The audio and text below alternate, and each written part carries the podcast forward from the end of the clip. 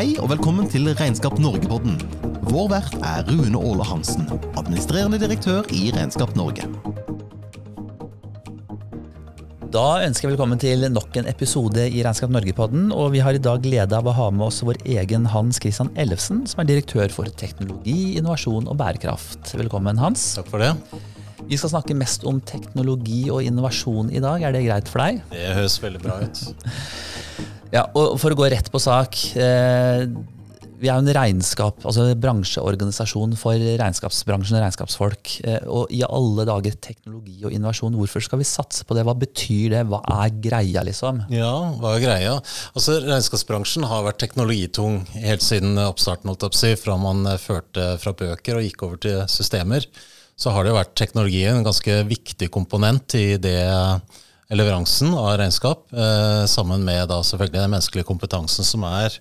Og så er det jo sånn at eh, Når man er teknologitung, så skjer det jo en del eh, teknologisk utvikling, og man må følge med litt i, i det. og antageligvis da bruke den utviklingen til å se kan jeg innovere måten jeg leverer regnskapstjenestene på til, til markedet.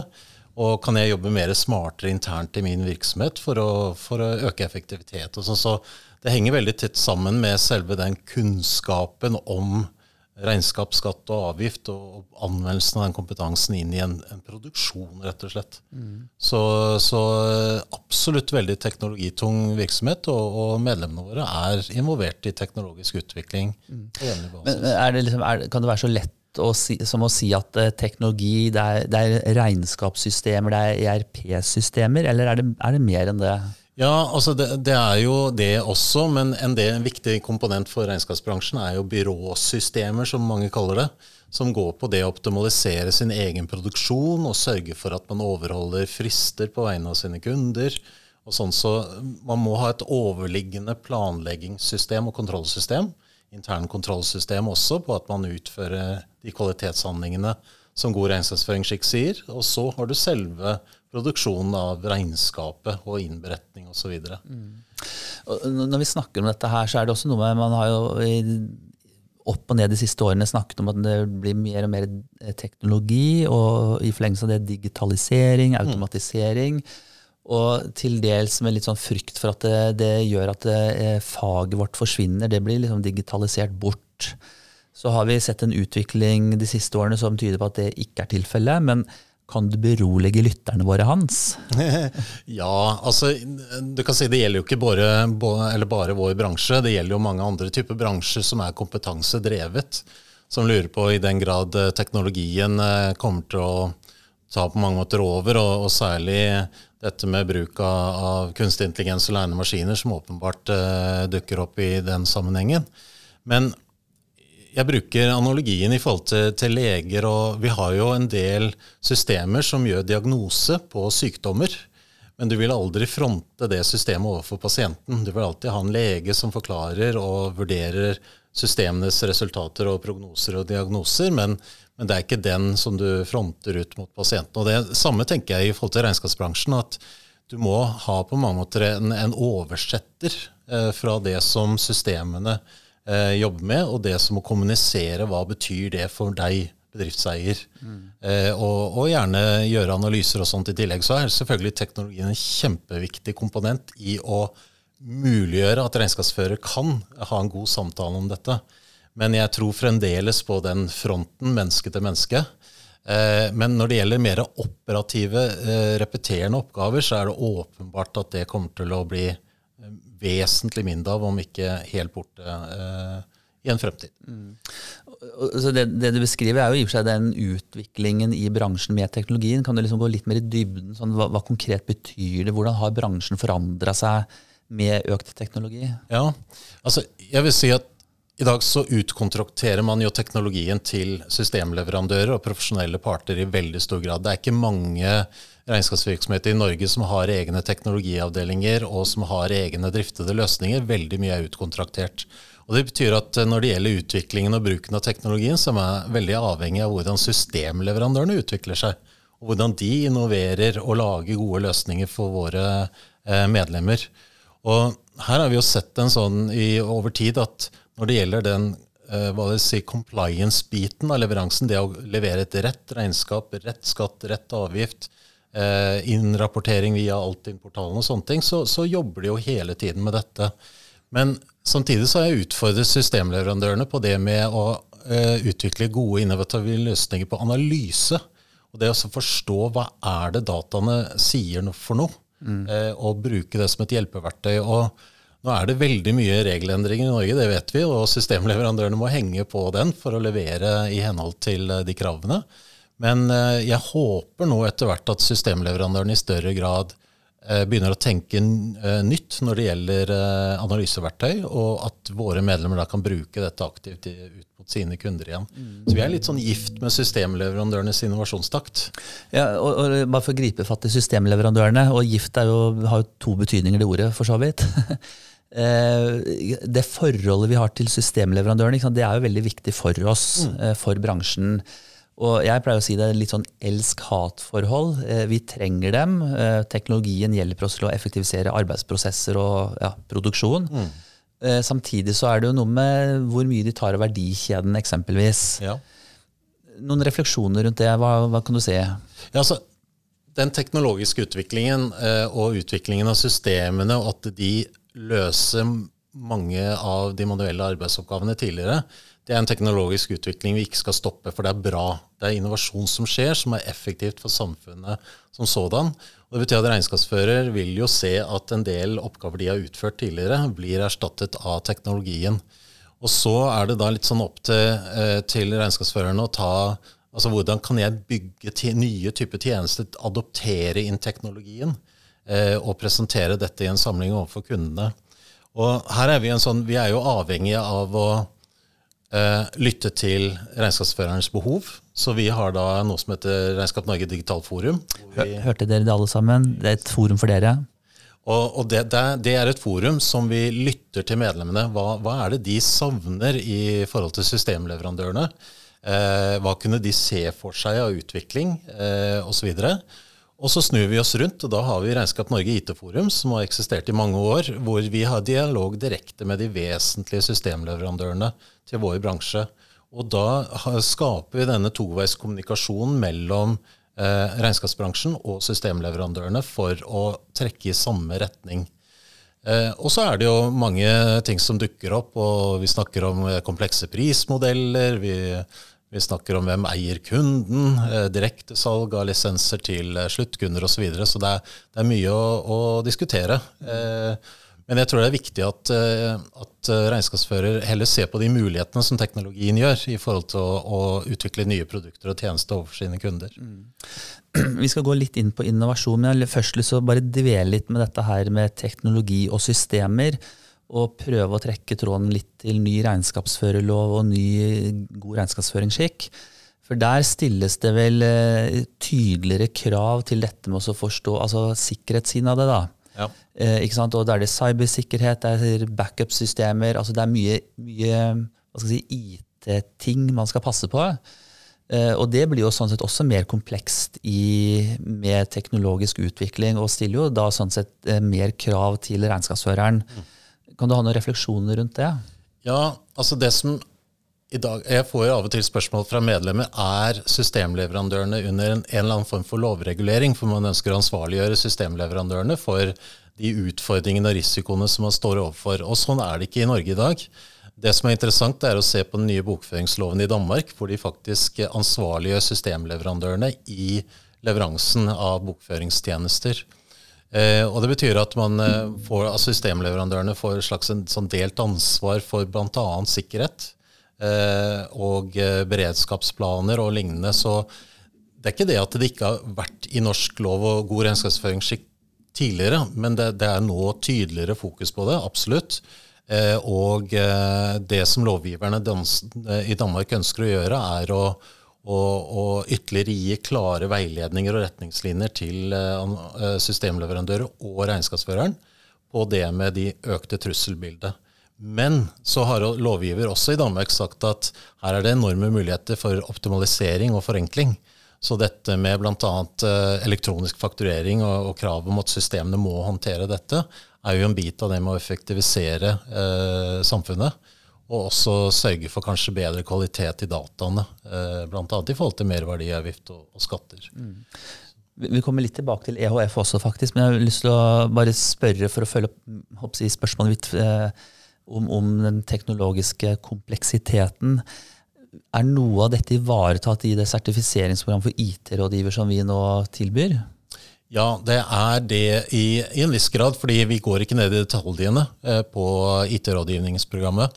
Det vi gjør, er å se på de komponentene som er viktige eh, for å være en teknologirådgiver, både internt for seg selv men også eh, overfor kundene sine. Eh, så, så, det dreier seg om sikkerhet, det dreier seg om personopplysningssikkerhet, det dreier seg om eh, det å ha en god IT-arkitektur, ha gode planer, eh, gjennomføre gode IT-prosjekter som danner grunnlaget for å få hånd om kompleksiteten og den risikoen som oppstår. av mm. kompleksiteten. Og, og, det er vel det som vi vel ser som er hverdagen til regnskapsførerne, og ikke det at de skal bli IT-hoder som sådan? Det er riktig. Ja. Og, og, de aller fleste regnskapsførerne har profesjonelle parter eh, som de benytter i forhold til teknologi og teknologiutvikling. Eh, men, men, det er viktig at regnskapsførere har en god forståelse for eh, de risikoene som er. Eh, og hvilket ansvar som påligger dem direkte som, en, eh, som statsautoriserte regnskapsførere.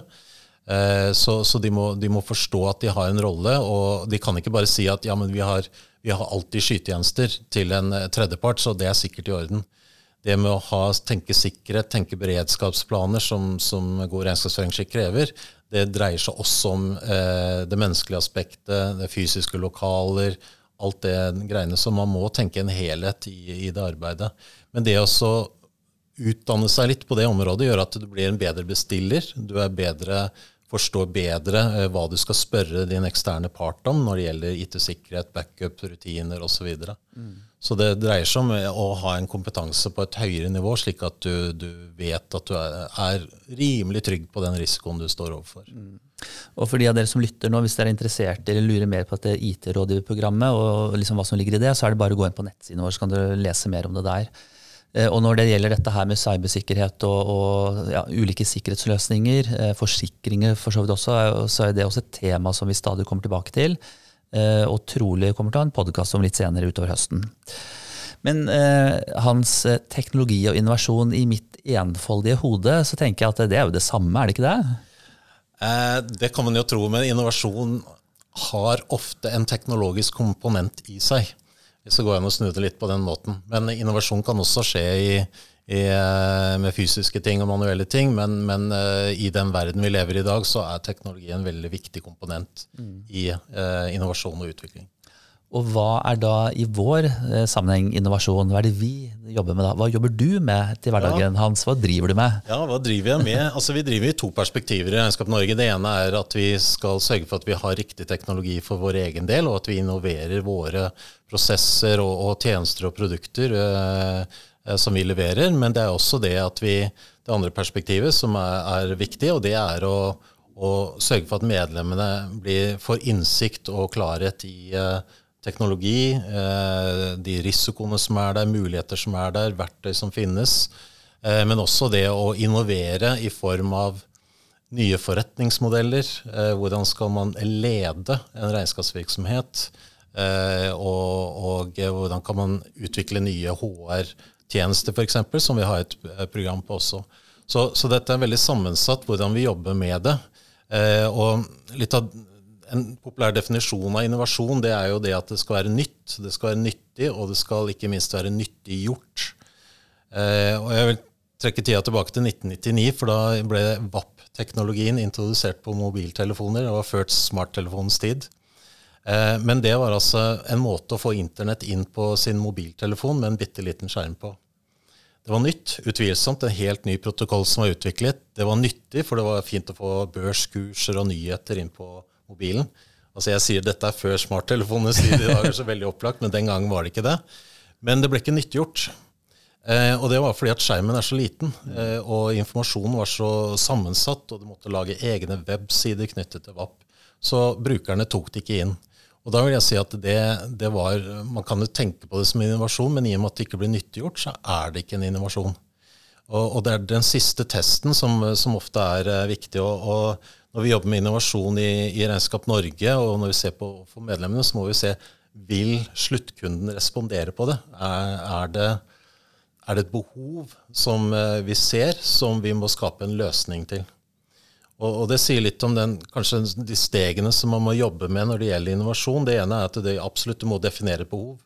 Eh, av og til må det skape et behov, men stort sett så er det en eh, pain for å si det sånn, som skal løses.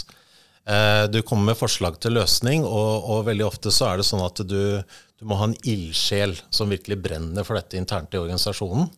Eh, men ildsjelen kan ikke innovere alene, så en del av prosessen er også å forankre ideene og konseptet og løsningen inn i organisasjonen eh, bredere. Og så har vi det som i innovasjon eh, vi kaller det sjette element. Det er det du ikke så kom, som bare kom. Mm. Og Det kan du aldri planlegge for.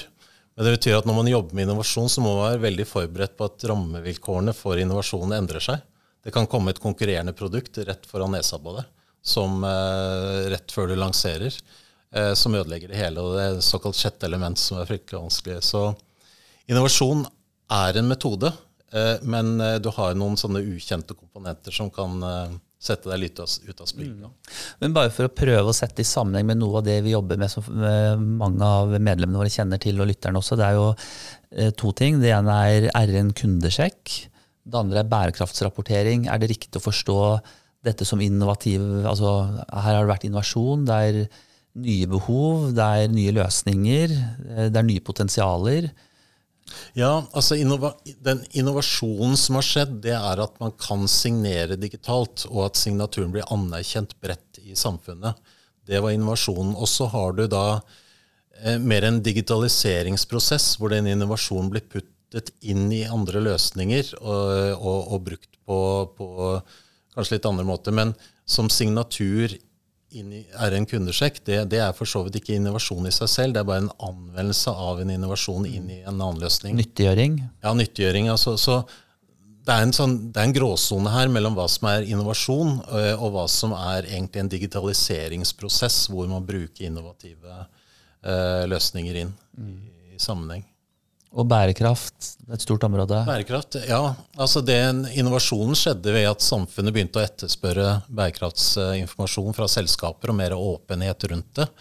Og så er det en innovasjon i form av å lage standarder, for det er jo ikke verdt før. Eh, så det er både nytt, og det er nyttig at man har standarder i, i markedet. Og så er det nyttegjøringen av det, dvs. Si, blir standarden adoptert inn? Og Det er to måter å adoptere inn en standard på. Det ene er som EU gjør, å sette loven bak og si at du skal rapportere etter denne standarden. Da har du ikke noe valg. Eh, så den blir jo nyttiggjort for de selskapene som blir truffet. Men nyttiggjøring for de som ikke må rapportere på bærekraft, eh, det, hvis de adopterer dette og bruker det frivillig, da har vi virkelig en innovasjon, for da er det nyttiggjort uten at det ligger et lovkrav bak. Mm. Så absolutt. Og, og, for bransjen så er det jo da et nytt marked på toppen av det hele. Ja. Det er det. Uh, vi skal gå litt mer over uh, jeg vet ikke om det er teknologi eller innovasjon, men i hvert fall til et annet stikkord du tok opp. Uh, nevnte tidligere, in, kunstig intelligens. Mm. Altså, Hvor intelligent er den egentlig? Hva er det det er for noe? ja. altså Kunstig intelligens er jo et samlebegrep for ulike typer teknologier. Og den teknologien, underkategorien av teknologi som vi bruker mest i regnskapsbransjen, er det som heter lærende maskiner. Og som en underkategori igjen der, så er det det som heter dype nevrale nettverk, som er liksom det hardcore teknologien, teknologien som ligger i bunnen der. Eh, altså Målet er på mange måter på godt og vondt at vi ønsker Eller vi har en visjon om at maskinene skal agere som menneskehjernen. Fremdeles så har vi en lead altså, i forhold til maskinene på det. Vi er fortsatt litt smartere? Ja, vi er, vi er det. Eh, men det er klart at teknologien utvikler seg på en måte nå at det som vi har sagt er unike for oss, det er bl.a. Å, å, å vise følelser å være emosjonelle, og det å kunne eh, vurdere komplekse, kanskje litt ulogiske ting i sammenheng. Teknologien begynner å spise inn på også de tingene. Og f.eks. det at vi man sier at ja, uh, kunstig intelligens kan ikke vise følelser. Jo, den kan faktisk det. fordi at det en maskin kan gjøre, er å lese ansiktet ditt og se hvordan du føler. Og hvis du ser lei deg ut, så vil maskinen agere i forhold til at du er lei deg. Og spørre spørsmål om hvordan har det, går det bra, osv. Så, videre. så det er jo bare fake, men, men, den kan gjøre det. Og den som opplever det, vil jo oppleve det som at den er emosjonell. Men akkurat det, det, det, her er jo kjempespennende. ikke sant? Og, så tenker jeg sånn, I hverdagen mellom to fysiske mennesker da, så kan jo du, eller for så vidt oss, da, jeg kan sitte og se på deg at du enten smiler eller, eller gråter, og så kan jeg i og for seg ha en, en falsk omsorg. Ja. Så den jo like, kan jo være like falsk egentlig som du beskriver eh, fra maskinen, bortsett fra at ras, maskinen egentlig er rasjonell i vurderingen. Ja, det er den og kan legge opp da den påfølgende samtalen, hvis man kan kalle det det, i forhold til hva den opplever. Og den maskinen vil også oppdage at du eh, kanskje blir lettet av ting, og da sier ja, da, da går vi videre. Så eh, ja, den kan være eh, like falsk menneskelig menneske som maskin til menneske. Men det som er interessant, er å se hvordan dette utvikler seg. og, og vi, vi, har fremdeles et stykke hvor vi kaller det som er generell kunstig intelligens. altså Det er liksom det ultimate målet, så vi er ikke der eh, ennå. Vi er veldig sånn spesifikk kunstig intelligens, der hvor man har Maskinen er lært opp på et spesielt tema eller et spesielt område som den blir veldig god på, men den kan ikke forholde seg til bre, det brede samfunnet. Selv om vi begynner å se antydninger på det nå med ChatGPT, da, som mm. agerer litt der. Men, men litt mer på, for det, det høres jo veldig spennende ut. og generelt fra Regnskap Norges side så er vi positive til dette. Vi er jo teknologioptimister. Vi ser mulighetene. Samtidig tenker jeg sånn, Det er også noe med å være bevisst på nedsiden, på ulempene. og Hva er refleksjonen din? Og, og jeg tenker sånn, eh, Vi kommer til litt mer tilbake til ChatGPT, da, men eh, det er jo nå en del som advarer mot og ber om at nå skal vi stoppe utviklingen. Eh, vi kan jo gå tilbake til andre innovasjoner opp gjennom historien, ikke sant, har, hvor intensjonen som regel er som regel er den jo god. Og så er det jo, om ikke akkurat det sjette element, men andre ting som gjør at det er utilsiktet bruk da, eh, av, av, ny teknologi, nye løsninger.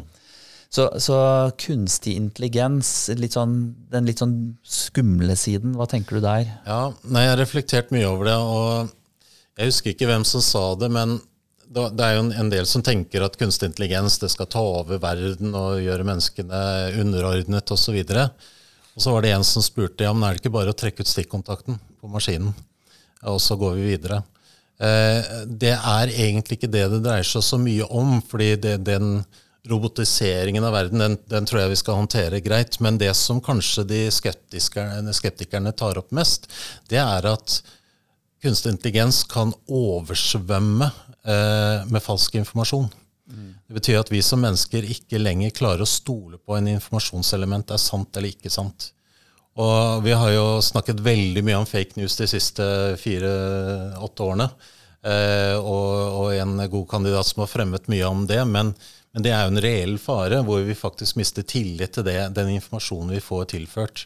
Og maskinene er jo ikke smartere enn at de tar utgangspunkt i det de opplever rundt seg. Mm. Og hvis de opplever rundt seg eh, skjevheter, diskriminering, andre ting, så vil de bare videreføre dette i sine algoritmer. Så, så det, det, som er skummelt, er at vi kanskje eh, kommer til et stadium hvor det ikke er så lett å trekke ut stikkontakten, fordi at eh, markedet overflømmes av eh, informasjon som ikke er riktig. rett og slett. Ja, fordi akkurat dette her med algoritmer, jeg har sett også en del reflektere rundt det. Hvem er det som sitter og programmerer? Hvem er det som sitter og koder? Og hvis denne gruppen mennesker da, er ganske homogene, eller tenker veldig likt. Eh, om man ikke er bevisst på det, så kan det fort bli en da lik koding, på en måte, som da automatisk eh, legger inn skjevheter som, ja. som, eksisterer, fordi disse skjevhetene er helt naturlige. da. Mm. Hvordan kommer man rundt dette? Nei, det som eh, man diskuterer, er det som heter Explainable Artificial Intelligence, eh, XAI. Og eh, Tanken rundt det, det er at eh, disse algoritmene og disse dype neurale nettverkene, som vi egentlig ikke har så innsikt i hva som skjer, at man skal begynne å stille krav til de at de skal dokumentere hvilke faktorer de la mest vekt på når de avgjør A eller B. Mm. Det kan være f.eks. en lånesøknad, Statens lånekasse, eh, hvor du eh, automatisk på weben legger inn eh, en del faktorer. Og så får du et avslag, så vil du jo gjerne vite hvorfor. Eh, og hva var det for noe eh, som, som den tok hensyn til? Det er et veldig enkelt eksempel, men det vi har hatt historiske eksempel på også, det er rekrutteringssystemer som tar hensyn til historien på rekruttering, som gjør at man ikke er inkluderende. og ikke sørger for et mangfold i arbeidsstyrken. Så, så, eh, det man ønsker nå å få fram, kanskje i større grad, og det, det, er ikke så lett sånn umiddelbart, det er å eh, synliggjøre eh, dette. Eh, hva tenkte maskinen når de gjorde den beslutningen til slutt? Mm. Spennende. Men det, det tar jo så litt naturlig over til da, chat-GPT. Jeg skal ikke spørre hva det står for, for jeg tenker at dette vet jo alle sammen. alle har hørt om det. men, men hva er det det er for noe? Ja, det, det, er, eh, det, er, jo en slags blanding mellom lærende maskiner og en chatbot. Eh, og chatboter har vi jo hatt en del år eh, som prøver å svare på hvis en, eh, bilen min er bulket, hva gjør jeg nå? Og så prøver han å tolke hva, hva, dette er for noe, men nå begynner man å, å få dette mer sånn inni Så det som det, det GPT står jo for eh, generativ pre-trained transform og, og det, det, med generativ det betyr at den lager en tekst som egentlig ikke eksisterer fra før av. Så det er ikke sånn når du googler, så tar den jo opp tekst som finnes. Men uh, hvis du tar ChatGPT, så har den lagd teksten uh, på nytt for, ut fra hva han vet. Pre-train betyr at den er lært opp av masse millioner av dokumenter.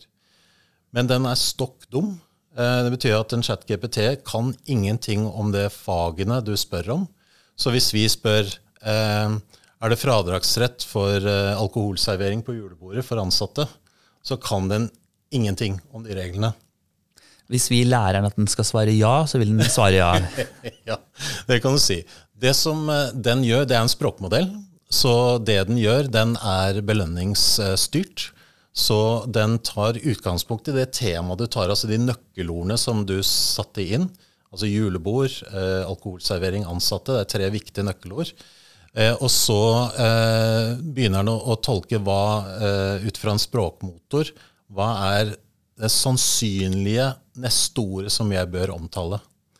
Eh, og til og med tegn og bokstaver, men, men ordet, sånn i, hvilket ord skal jeg sette nå inn i svaret? Eh, så den kan ingenting om skattereglene på området. Eh, men den kan, så den belønner, hvilket neste ord skal jeg sette inn i setningen, slik at jeg får høyest belønning? Og så kommer den med det, og så finner den ut det ordet, og så lager den på neste ord og neste ord og neste ord. Det som er fint da, det er at uh, du får en, uh, en naturlig uh, svar. altså den, den, gir jo en tilbakemelding på et språk som vi forstår, fordi den er lært opp til hvordan vi skriver til vanlig. og så kommer den med et forslag og, og på, på, dette. Så, så, det er sånn den fungerer. Så den kan jo egentlig ingenting. Den kan språk. Men det, det er liksom på mange måter litt sånn, Den driver med sannsynlighetsberegning på en måte? da? Ja, det er det den gjør. Ja.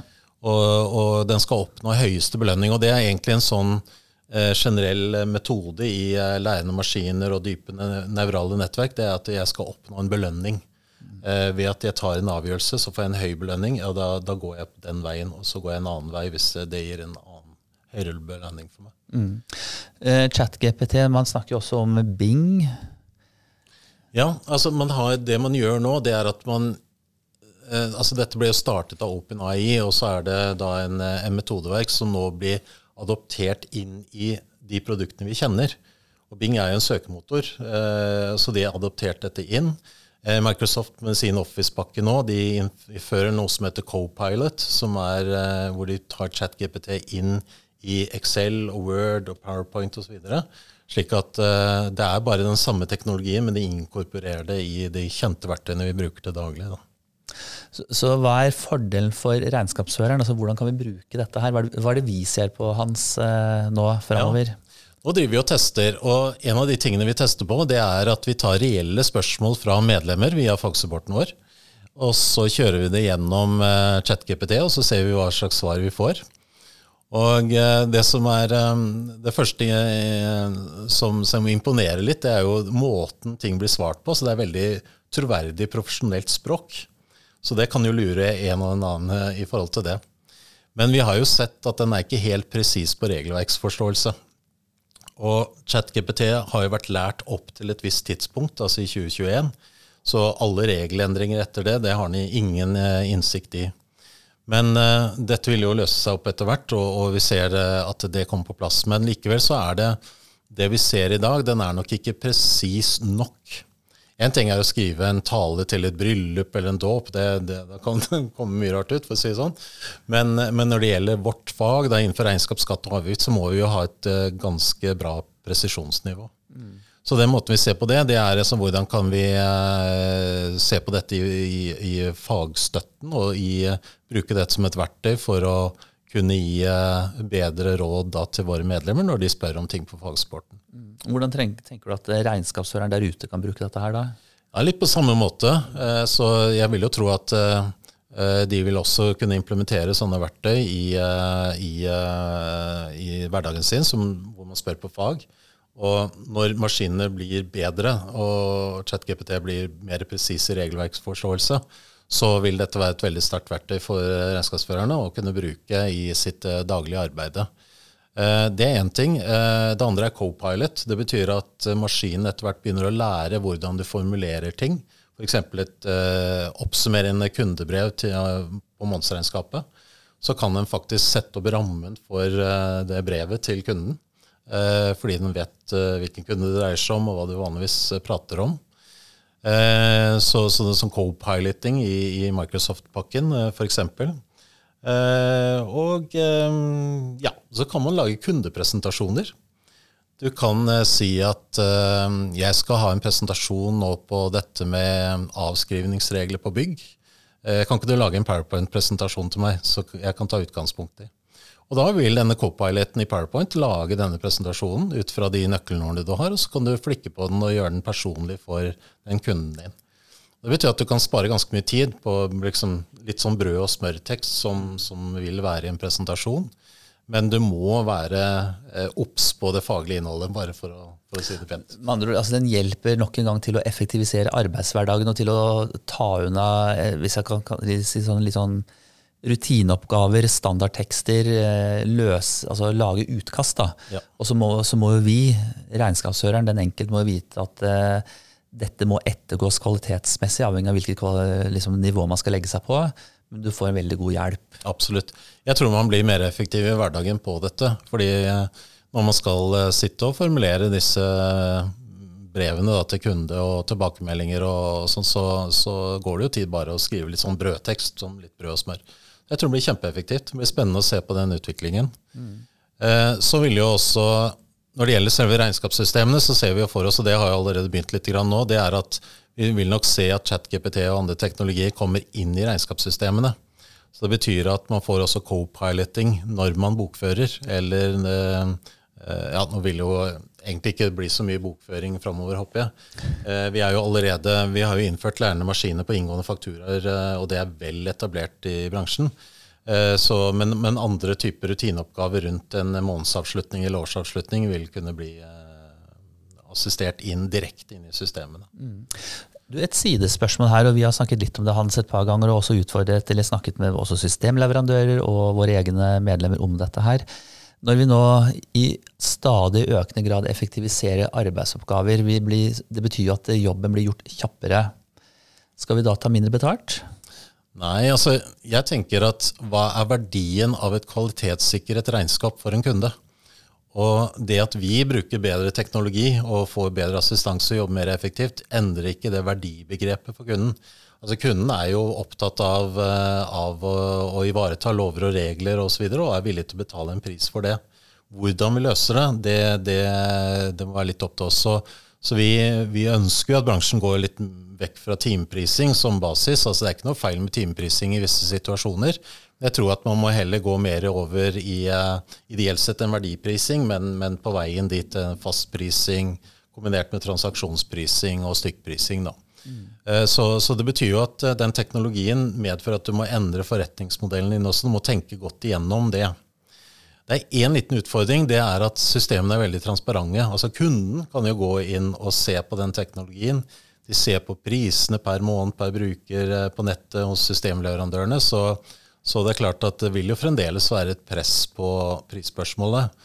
Men, eh, men det å ta det vekk fra eh, prisingen fra enkeltkomponenter og se heller på, på, verdien, altså det at vi har en kunderelasjon, du har garantert tidsriktig regnskap, god kvalitet, og alt er innberettet, og en god dialog løpende, det er en verdi i seg selv. Så du må, Du må pakke sammen ting som ikke kundene enkelt kan dekomponere og utfordre deg på prisen på. Mm.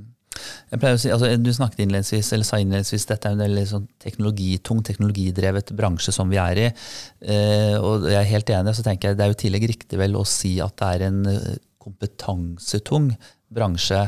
Og det vi snakker om nå, er jo at det kommer sant, det er stadig mer kompetanse som kommer inn. Det er jo kompetanse som ligger bak teknologien, bruken av teknologien.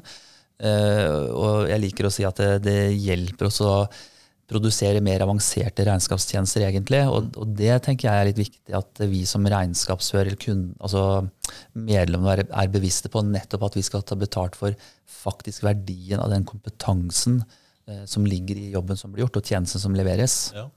Og der, der, vil jeg gå litt tilbake igjen til lærende maskiner. fordi I dag så bruker vi det til input til regnskap og inngående faktura i et stort volum, så, så, det effektiviserer veldig. Men det jeg ønsker at lærende maskiner skal gå til neste steget, det er å analysere regnskapet. Og Da får vi en litt sånn underlig tanke. Det er at lærende maskiner skal analysere regnskap som lærende maskiner har lagd.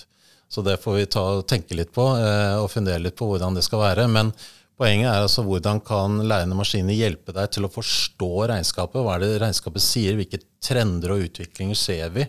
Eh, som regnskapet sier, hva er det vi bør gi råd om? Altså, alt dette bør disse, eh, disse lærende maskinene for, kunne fortelle oss. Og da bruke den kompetansen og oversette det i en kundedialog som kunden forstår. Mm. Eh, rett og slett. Så, så det, det, er kjempesterke verktøy, og da, da vil jo kunden oppleve en helt annen Eh, betjening av sin regnskapsfører enn de er, de er vant til. Mm. Den utviklingen vi snakker, nå, snakker, om nå, teknologisk utvikling og ja, alle disse nye verktøyene, egentlig, ser du noe forskjell i bruken av dem eh, fra små og til store regnskapsforetak, regnskapsførere? Vi vet jo ikke sant, hvordan bransjen vår er, men vi har noen veldig veldig store, så har vi mange mellomstore, og så har vi veldig mange små regnskapsforetak som igjen har veldig mange små kunder. Eh, og hva tenker du da om bruken, den, liksom den bruken og utbredelsen av teknologi? da? Ja, hvis vi går en del år tilbake i tid, så var det jo de store aktørene som kunne ha egne IT-løsninger og, og, drifte de, for de hadde jo servere i egne lokaler den gangen. og Det betyr at veldig mye av den innovasjonen og, og tunge, gode systemer, det var forbeholdt de som hadde penger til å gjøre det og utvikle det og drifte det. Det som er fint nå, det er at alt er i skyen. Altså det er Alle eh, systemene som vår bransje bruker, har en skyversjon av det. Og også prisen har utviklet seg litt sånn eh, til brukerprising og, og, kundeprising og sånne ting. Så det som har skjedd egentlig over de siste årene, det er at eh, avansert teknologi er tilgjengeliggjort for alle til en fornuftig pris. Så i dag så mener jeg at selv de minste regnskapsvirksomhetene kan eh, konkurrere på hvor avanserte tjenester de har, med de store. Eller i hvert fall lettere å gjøre det. Så kan de store tilby en større bredde av kunnskap. Altså at det, det er mer sammensatte tjenester og mer avanserte tjenester. Men teknologien som ligger under, burde være ganske tilgjengelig for alle. Mm. Og Det er en veldig bra utvikling, så da kommer det jo litt an på regnskapsvirksomhetens strategi. Hva er det de ønsker? Eh, er de glade i å adoptere ny teknologi? Så, så det dreier seg kanskje ikke så mye nå om pengeressurser og investeringsmuligheter, men faktisk lederskap. Mm. Altså hva, hva, vil jeg med min virksomhet, og hvordan skal jeg opptre overfor min kunde? Det er jo betryggende å høre at nå er det mer tilgjengeliggjort for eh, stadig flere. Vi skal skli over til et annet stikkord som du var innom i stad, som også er veldig sentralt for, uh, for bransjen vår. Um, du nevnte jo at inngående faktura det er blitt for å si med mine ord, da, heldigitalisert og effektivisert. et annet stikkord vi har, er jo EHF. Mm. Hva, hva, er det for noe, og hva tenker vi om det, Hans? Ja, eh, EOF er en samling av 14 standarder, egentlig. Mange tenker på det som EOF-faktura, at det er den det er, men det er egentlig 14 type eh, handelsdokumenter som er standardisert, og det er bygget på Pepol BIS-standarden internasjonalt. Så, så, det er ikke noe vi har snekret sammen i Norge. Pepol BIS, bare sånn kort, hva er det for noe? Ja, det, er, det, er en, det er en eh, sentral organisasjon som er standardsetter som har definert formatet, hva ja. eh, eh disse dokumenttypene er. Og så har vi gjort nasjonale tilpasninger. Så vi, vi kaller det i Norge EHF, altså elektroniske handelsformat. Men eh, det er ikke et begrep som nødvendigvis brukes utenfor Norge. Mm. Eh, og, og, tanken rundt det med EHF, det er, det er å, å, effektivisere samhandlingen mellom organisasjoner. Eh, og vi har jo gått fra papirfakturaer, så har vi gått over til eh, eh, digitale fremstillinger av papirfaktura, som er en PDF i e-post. det er fremdeles en papirfaktura, det er bare gjort, gjort litt om på. Og så har du da elektronisk faktura. Og EOF er én sånn type, men du har også e-faktura i nettbankene, som går gjerne til privatmarkedet. Elektronisk eh, faktura og EOF er jo business to business-tankesettet. da. Så meningen er å, standardisere dette, slik at et regnskapssystem kan sende ut en EOF-faktura. Det går via såkalt Elma-portal og aksesspunkter, som, som, eh, er liksom postkontorene som sender disse rundt. Og så kommer det inn elektronisk i regnskapssystemet direkte inn der, da eller via en lærende maskinsystem som tolker eh, fakturaen og konterer og legger til prosjektnummer osv. i det. Mm. Vi har jo i Regnskap Norge en egen sånn som alle vet, eller håper jeg har hørt om, forenklingsliste, altså liste over forenklingsforslag for å gjøre hverdagen lettere for norsk næringsliv, altså redusere administrative byrder. Et av forslagene der er jo nettopp å se på EHF-fakturaen. Eh, gjøre den obligatorisk. Og det er ulike begrunnelser for hvorfor dette her er viktig. Og så er det viktig å si nå da, at eh, for noen år siden så var jo vi i Regnskap Norge av den eh, mening at dette, eh, dette må markedet styre sjøl, om det skal innføres, om det skal nærmest bli i gåsehudene obligatorisk. Og vi hadde vel hatt en tro på at markedet ville se verdien, gevinsten av å gjøre det, og så har ikke det riktig skjedd. Så nå, nå vurderer jo vi om ikke sant, vi skal støtte en mer obligatorisk utvikling. Men, men, si litt mer om hva, hva, hvorfor er EHF liksom, hva, hva, er det som gjør at det blir så effektivt? da? Mm. Og, og, sikkert var det liksom Si litt ja. mer om det. Nei, fordi Hvis vi isolert ser på eh, faktura, så er det bare én komponent av disse 14 som jeg nevnte. Så tanken vår med forenklingen det er at vi allerede ved bestillingstidspunktet, altså jeg som innkjøper, jeg etablerer et handelsdokument som forteller hva jeg er ute etter. Og Da slår jeg opp i en EOF-katalog hvor jeg finner fram produktet. Eh, der ligger priser og alt det som jeg trenger å gjøre. Så jeg putter dette inn i bestillingssystemet mitt. Og da, det er kilden til hva jeg skal ha. Og det som, eh, til motsetning til eldre systemer, det er at du gjentar informasjonen i, eh, i mange systemer, hvor du puncher inn disse dataene på nytt og på nytt det Tanken på forenklingen her det er at når man har utført bestillingen, så er man egentlig ferdig med registreringen som sådan. Det betyr at data skal flyte og ikke flyttes. Eh, og, og, det betyr at den informasjonen som bestilleren har sendt inn, som går da til uh, den som skal levere, uh, og sine underleverandører, så flyter dette, den samme informasjonen uten å bli endret. Så tilfører man etter hvert nye informasjon, men det betyr at EOF-ordre er grunnlaget for EOF-faktura. Så EOF-faktura er ikke blitt lagd på nytt, den har bare hentet informasjon fra tidligere.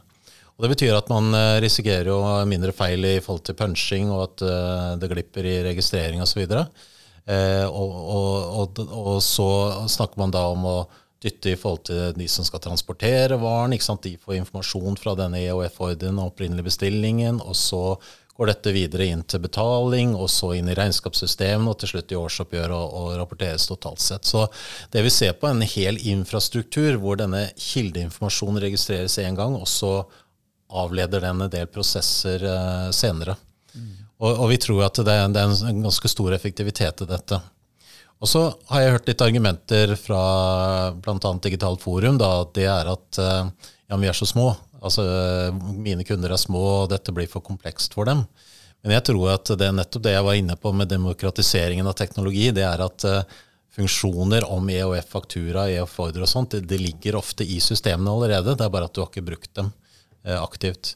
Så det er ikke noen sånn kjempestore investeringer i det, men, uh, men, det kan godt være at du må koble deg opp mot et innkjøpssystem Eh, med, med kataloger osv.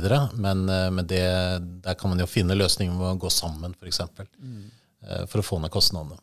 Du nevnte at altså, EHF er, er, for seg den norske varianten da, av, av, en, eller en avart av en internasjonal standard. Og da, da, passer vel å kunne også trekke fram litt sånn nordisk, nordisk arbeid, Nordic Smart Government. Kan du si litt om hva det er sånn generelt, og hva det er i denne sammenhengen? Ja, Altså Nordic Smart Government ble, var det opprinnelige navnet som ble etablert på. og eh, Tanken var å skape et felles nordisk infrastruktur rundt det med, med handel og interaksjon mellom eh, eh virksomheter og mellom virksomheter og offentlig sektor. Eh, men eh, jeg tror det var mange som trodde at det var myndighetene som skulle bli smarte ved prosjektet. Så heldigvis så, så, tilføyde de Nordic Smart Government and Business. Eh, fordi jeg tror det store volumet av det vi snakker om nå, er faktisk eh, business-to-business-perspektivet.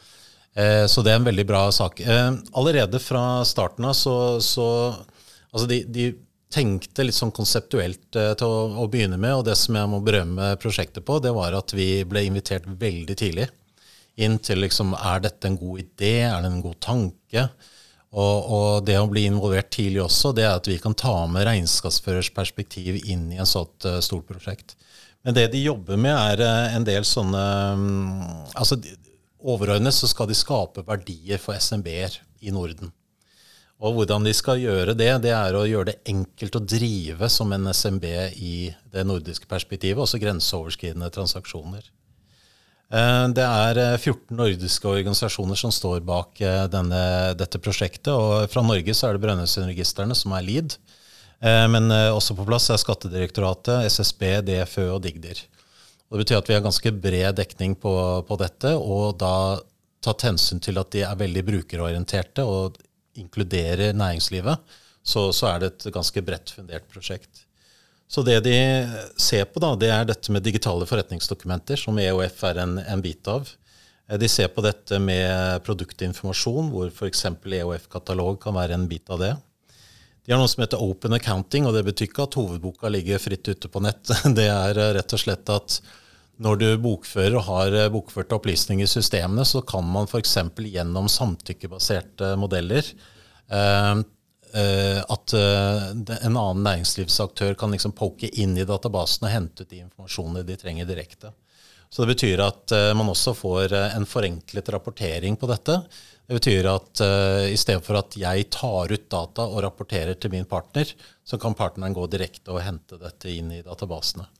Det høres litt skummelt ut, men alt er samtykkebasert, for å si det sånn. Eh, en annen komponent det er det å født digital. Det betyr at når man etablerer en næringsvirksomhet i Norge, så skal alt være digitalisert. Eh, vi er jo på langt vei dit, men ikke fullt ut. Så, så, det er også det å få alle parter som er involvert i en bedriftsetablering, til å kommunisere på en eh, effektiv og ensartet måte. Så jeg som bedriftseier skal slippe å forholde meg til den ene etaten og den andre, og skatt og Brønnøysund osv.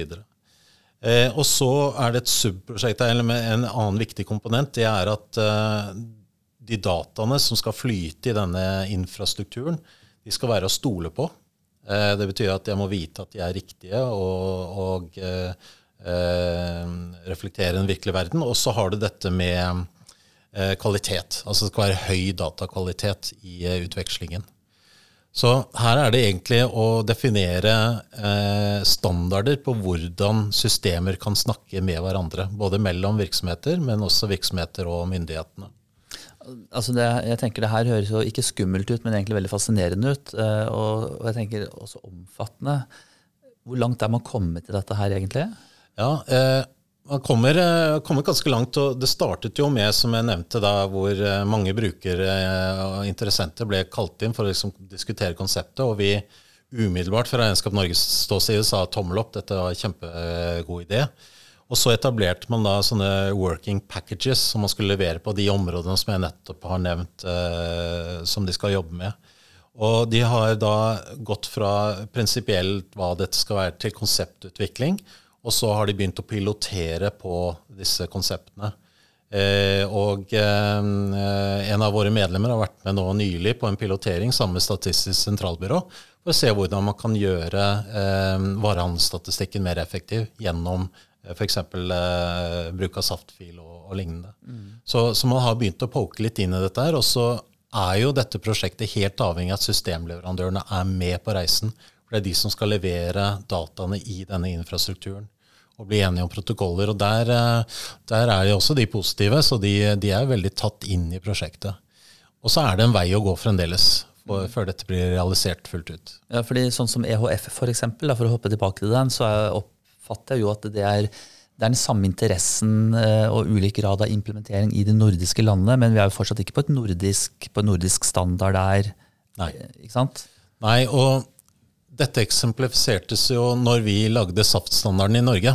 Så var det jo nærliggende å se på Sverige, som hadde SIE-formatet, som de har hatt i årevis. Eh, Finland hadde sånn XBRL, GL-formater og sånne ting. Så tenkte man kunne vi ha blitt enige om én SAFT-fil for Norden? Eh, og det bare slo vi fra oss, fordi eh, rett og slett praktisk bokføringsreglene er forskjellige i de ulike landene. Og kravet til spesifikasjoner og, og innrapportering til myndighetene er forskjellig. Så systemleverandørene var enige om at det var bedre å lage integrasjoner mellom de nordiske formatene enn å etablere et stort felles nordisk format. Og administrasjonen av et sånt format vil jo også være kompliserende. Så ja, jeg tror vi bør søke mot å standardisere så godt vi kan på tvers av det, men jeg tror lovgivningen vil sette noen begrensninger på felles uh, regelverk. Mm. Men, og Tror du det da blir utviklingen litt til det siste du beskrev nå, at det blir mer, at man finner integrasjonsløsninger i større grad enn at man lager noen felles systemer? Ja, det, Eller standarder? Ja, jeg tror det. Altså, I hvert fall det som er tydelig, er at eh, myndighetene skal ikke lage en teknologisk plattform. De skal ikke eie noen plattform, de skal egentlig stå for standardene. Og så må vi jo se hva som er praktisk og, og, mest effektivt, om man skal lage konverteringsplattformer mellom kjente standarder, eller om man skal prøve å optimalisere på tvers av landene. Så jeg tror over tid så vil man jo søke mot at eh, alle opererer ut fra en felles standardisering. Men, eh, men, eh, jeg tror det er en vei å gå. Så inntil videre så må vi nok ha konverteringsløsninger. Mm. Jeg sitter og tenker altså, Det har vært nordisk samarbeid i 50-60, altså i lang, lang tid. ikke sant? Og dette er jo på mange måter, det er forankret i Nordisk råd. ikke sant? Mm. Samtidig så vet du at det er mye regelverk, og typisk bærekraftsregelverk, der skjer det mye hos oss i Norden, ikke minst i EU. Og mye er jo altså det som skjer i EU, det er det vi må forholde oss til. Og da sitter jeg og lurer på, kan dette prosjektet på et vis har det livets rett at det skal kjøre alene for seg sjøl, sånn som det gjør nå? Om det så blir med, med API-løsninger eller noe sånt i Norden imellom. Mens det samtidig pågår en diskusjon eh, i EU. Vi kjenner til, vi kjenner til Frankrike hans, mm. hvor de også har en egentlig identisk diskusjon om EHF, men da basert på en mer rendyrket europeisk standard. Mm. Så, så liksom, hva er dine refleksjoner sant, i dette? Det, det blir komplekst. altså Det blir jo mer og mer komplekst. Skal vi lene oss til Norden, til Europa, eller skal vi liksom spre oss litt? Hva ja. tenker du? Hjelp! Ja, hjelp, ja. Eh, jeg tenker at Nordic Smart Government and Business startet jo litt før EU fikk fart på seg i forhold til f.eks. For bærekraftsstandarder og sånne ting. Eh, men vi har også fått denne eh, lovgivningen rundt digitalisering og, og MBA. Og, og etter hvert for å gjøre det vanskeligere å gjøre MBA kriminelle handlinger da, rundt det å prøve å tilegne seg MVA-penger urettmessig. Så det skjer jo en del initiativer, men jeg tror nok det, det er litt sånn eh, Og det er litt sånn med innovasjon også, at det, det, det er forskjellige initiativer, og så vil noen vinne eh, over den andre, men vi må leve med ulike løsninger over tid. Så det er vanskelig å si. Eh, vi hadde samme diskusjon nå vedrørende eh, om vi skulle lage en konverteringstabell for CO2-ekvivalenter i Norden.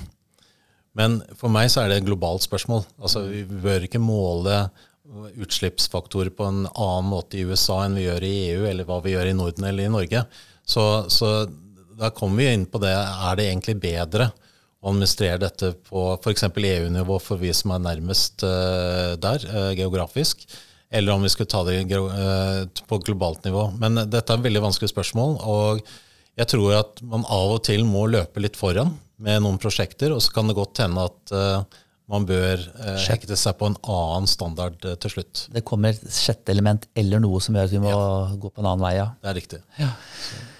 Du, dette var veldig mye han som både teknologi og innovasjon og litt det ene og litt det andre. EHF har vært innom, og kunstig intelligens og chat-GPT. Jeg tror det er på tide å fordøye dette her. Ja. Mm. Hva tenker du? Nei, det er det. Altså, det er, eh, det er mye, mye, spennende som skjer, så jeg tror nok at uh, regnskapsvirksomheter har uh, veldig godt av å ha litt fokus på det. Gjerne ha en eller flere dedikerte personer som følger med litt, og har ørene ned på bakken og finner ut hva som skjer, og hvordan kan vi eh, bruke dette. Men også skal vi i Regnskap Norge også hjelpe til på den veien ved at vi kommuniserer eh, ting rundt teknologi og innovasjon eh, til eh, medlemmene via nyhetsbrev og artikler og lignende. Veldig bra. Så her folkens, er det bare å følge med. Og er dere interesserte i digitalt forum eller IT-rådgiverprogram, så er det bare å ta kontakt. Takk for at du kom, Hans. Takk for det.